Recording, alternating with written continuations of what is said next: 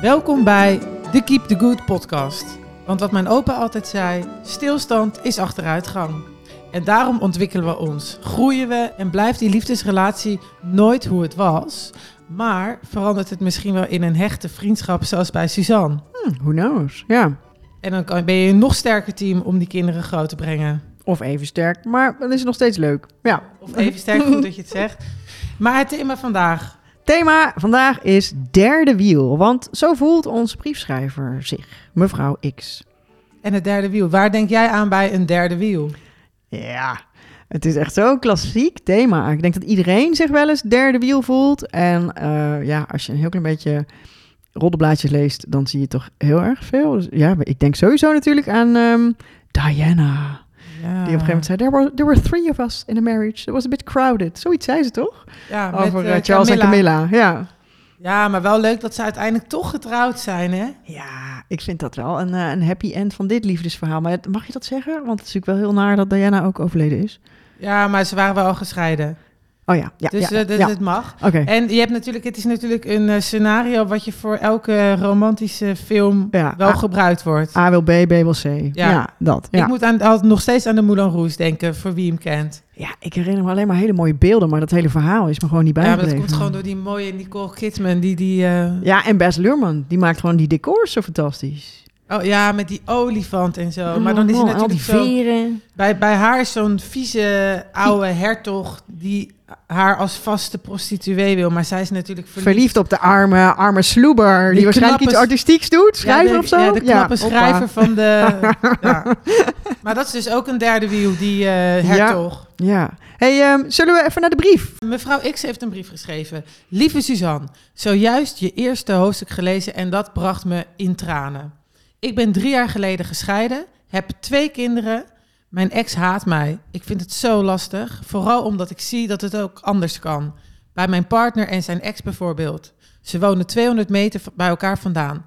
Ze hebben dagelijks intensief contact, werken samen en zijn ook vrienden. En daar komt nu mijn grote verdriet. Ik voel dat zijn ex zoveel aanwezig is in het leven van mijn partner en daarmee in het mijne, dat ik er horendol van word. Ik voel me vaak het derde wiel. Dus ik werd getriggerd door jouw zin in hoe je ruimte kunt maken voor een nieuwe liefde. Deze vraag stel ik mijn partner namelijk ook regelmatig. Heb je ruimte voor mij? Hoe maak je ruimte voor mij? Op dit moment ben ik aanbeland bij het keuzemoment van accepteren of stoppen met de relatie. Alleen het is zo ontzettend zwaar met het maken van deze keuze dat het voelt alsof ik langzaamaan gek word. Ben jij nog actief als psycholoog? Zo ja, wat zijn de mogelijkheden voor mij? Hoor heel graag van je en alvast dank voor je inspirerende hoofdstukken. Liefs mevrouw X. Ja, Suzanne, Hmm. wat eh, denk jij als je dit zo hoort? Ja, dan denk ik, wat een rotgevoel moet dat zijn, zeg. Ik kan me zo goed voorstellen dat je op dat punt komt dat je denkt, ja, zo kan het niet meer. Eh, of ik stop ermee, of ik accepteer het helemaal. En natuurlijk word je daar gek van, want je wil het niet accepteren. En je wil ook niet stoppen, want je bent gek op hem. Dus ja, ik snap dat je het moeilijk hebt, mevrouw X. Eh, want eigenlijk wil je dat hij zijn gedrag gaat aanpassen, denk ik dan. Hè? Dat er meer ruimte voor jou komt. En ik ga eens even kijken of ik je daarmee kan helpen. En ja, bij de meeste relatiekwesties eh, kan je het vanaf verschillende eh, hoeken aanvliegen. En ik denk dat dat hier ook kan. En ik denk dat we vandaag maar eens even heel praktisch en concreet advies gaat geven. Want als ik dat zo hoor, lees, dan is een eh, belangrijk onderdeel van jullie probleem dat jullie niet dezelfde verwachtingen lijken te hebben. Over hoe je met elkaar omgaat en hoe, zij, hoe hij ook met zijn ex omgaat. Klopt dat? Want dan wordt het namelijk gewoon tijd om heel praktisch die verwachtingen eh, van allebei de kanten helder te hebben. Ja, dus ehm, hoe kan je dat doen zo praktisch? Ja, nou eh, laten we beginnen met mevrouw X. Mevrouw X kan eerst dus gewoon zelf met een kop thee en een notitieboek ehm, gaan zitten. En voor zichzelf op een rijtje zetten van wat wil ik in een relatie? Wat verwacht ik van een relatie? Wat is belangrijk voor mij? Waar word ik heel gelukkig van? Waar word ik heel ongelukkig van? Waar word ik zo ongelukkig van in een relatie dat ik echt ermee wil en moet stoppen? Eh, wat heb ik nodig om me veilig te voelen, ontspannen te voelen, om te weten dat het goed zit tussen ons? Ja, en zo maak je echt zelf een lijstje van eh, het allerbelangrijkste in een relatie tot zou leuk zijn, maar kan ook met een ander of op een andere manier opgelost worden. Tot, eh, ja, als dat eh, gebeurt, dan word ik er zo ongelukkig van, dan stop ik. Ja, dus je, maar, dus je moet er eigenlijk echt voor gaan zitten. Ja. Op de fiets of wat dan ook, ook de, eh, erover na gaan denken van wat wil Mhm. ik? Ja. Ja, Ja, dat je voor jezelf echt heel helder krijgt van... Want dat is gewoon natuurlijk heel vaak. Hè? Je wordt verliefd en je denkt dat je, dat je je soulmate hebt gevonden. Je dobbert een beetje rond op zo'n roze wolk. En je denkt ook dat je elkaar helemaal begrijpt en hetzelfde wil. Maar ja, uiteindelijk zijn we allemaal andere mensen. En zeker als je al huwelijken achter de rug hebt... eh, en ook kinderen hebt uit eerdere huwelijken... Ja, dan ben je al voor een groot deel gevormd. De kans dat je hetzelfde wil is heel klein. Dus ja, dat is ook normaal, maar wel belangrijk om te bespreken. En eh, die vriend van haar dan, want dat is, die lijkt ook een beetje het probleem te zijn. Eh, ja. ja, nou, eh, voor die vriend geldt hetzelfde. Hij eh, zal zeker ook een lijstje moeten maken met wat hij wil met mevrouw X. Ehm, van heel concreet, hè, hoe vaak wil je elkaar zien? Wat wil je samen delen? Wat wil je samen doen? Ehm, waar word je gelukkig van? Waar hoop je op? Waar word je ongelukkig van? En ehm, de vriend van mevrouw X heeft dubbelwerk. Want het wordt voor hem ook heel hoog tijd om zo'n lijstje ten aanzien van, e- van zijn ex te maken. En te bedenken van oké, wij zijn uit elkaar, er gaan dingen veranderen. Wat eh, gaan we nog houden in onze relatie en waar stoppen we mee? Wat wordt er anders? Wat ga ik nu met mevrouw X delen in plaats van met mijn ex? Dus ja, in dit geval eh, hebben ze allebei huiswerk. Ja, en niet echt romantisch dus. Eh, nee. Nee, Lijstjes maken van... eh, Nee, je hebt huiswerk. En als je dus die lijstjes hebt, dan krijg je dus dat je ook echt samen gaat vergaderen. Een beetje gaat zitten polderen. Van oké, jij hebt dat nodig, ik dit. Hoe kunnen we een beetje in het midden uitkomen? Dat jij je gezien en gehoord voelt en ik ook, bla bla bla. Ja, dit wordt gewoon ehm, zeker niet romantisch. Dit wordt gewoon heel pragmatisch overleg.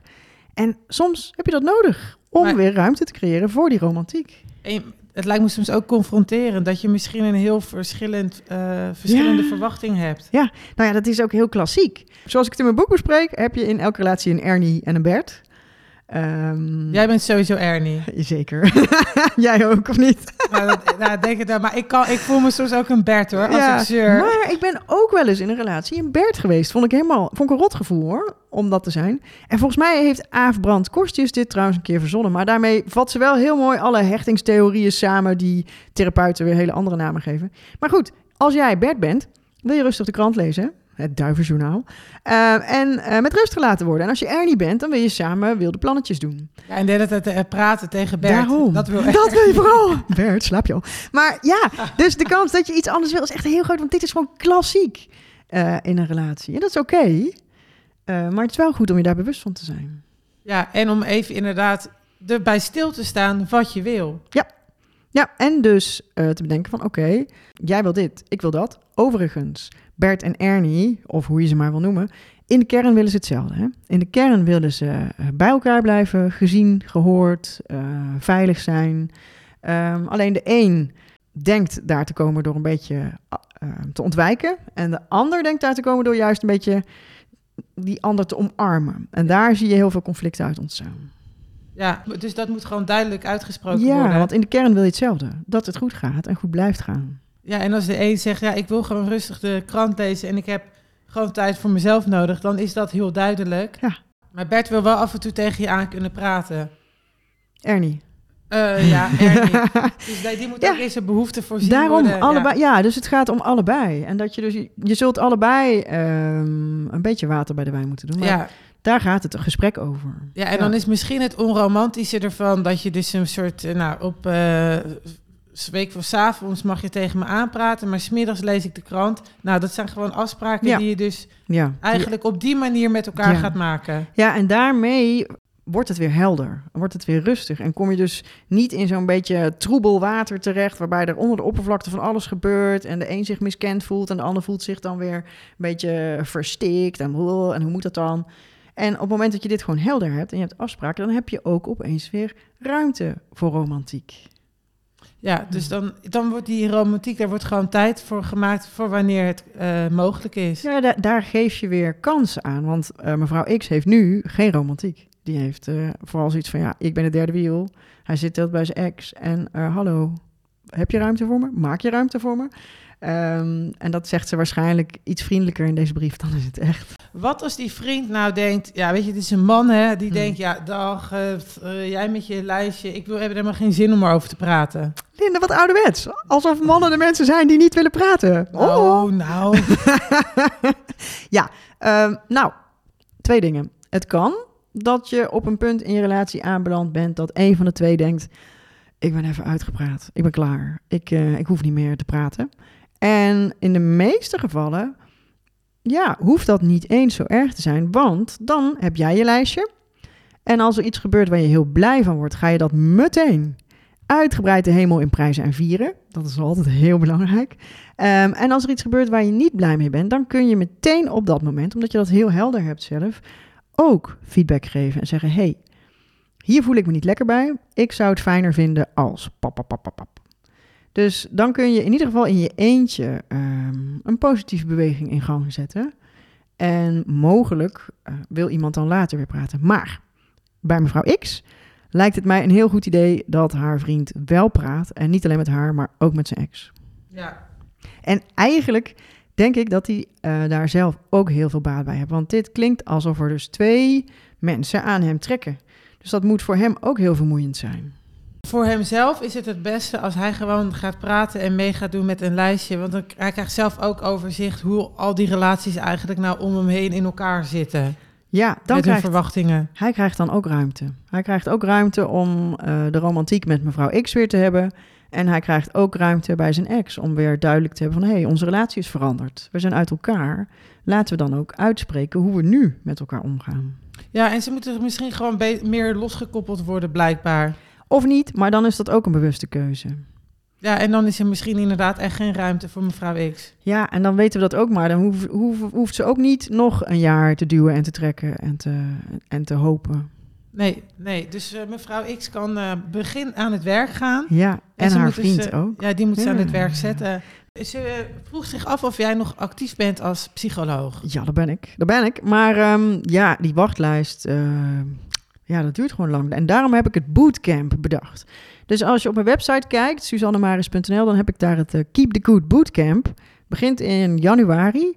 En ehm, dan werken we gewoon eh, online in een programma aan ehm, ja, het vormgeven van je relatie zoals het goed is voor jullie. En kan je dan alleen meedoen of als stijl?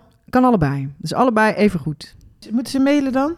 Eh, ja, want wat we dan doen is, dan gaan we even, even praten. Dan, ga, dan eh, gaan we even bellen om te kijken of je daadwerkelijk bij dat bootcamp geholpen bent. En als het niet zo is, zeg ik het ook eerlijk, want je relatie is gewoon te belangrijk om iets te gaan doen dat niet helpt. En ja, ik kan het gewoon niet laten. In zo'n gesprek geef ik je ook meteen een paar adviezen hoe je nu je relatie beter kan maken. Dus op mijn website kun je meteen ook een afspraak maken voor zo'n gesprek. Oké. En als je een dilemma hebt wat je gewoon wilt delen en wat wij wellicht in de podcast mogen gebruiken, dan kan je mailen naar. hallo at susannemaris.nl. En eh, ja, je krijgt altijd antwoord als je me schrijft. Ehm, en als we denken dat we meer mensen kunnen helpen met je brief, dan vraag ik je ook of die in de podcast mag. Anoniem. Anoniem, altijd. Ja, dit was hem voor nu over het derde wiel. Tot de volgende. Ja, tot snel. En eh, mevrouw X, we duimen voor je. Doeg! Doei!